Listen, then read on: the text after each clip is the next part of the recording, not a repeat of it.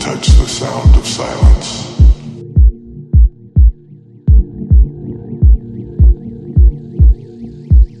People talking without speaking, people hearing without listening. People writing songs that voices never share. And no one dare disturb the sound of silence. Hear my words that I might teach you. Take my arms that I might reach you. But my words, like silent raindrops, fell and echoed in the wells of silence.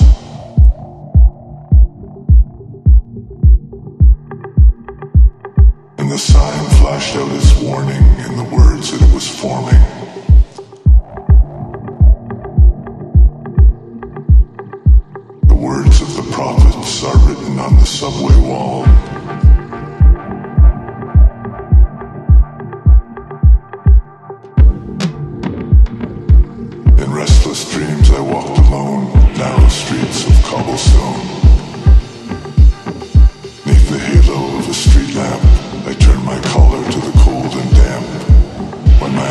Were stabbed by the flash of a neon light that split the night and touched the sound of silence.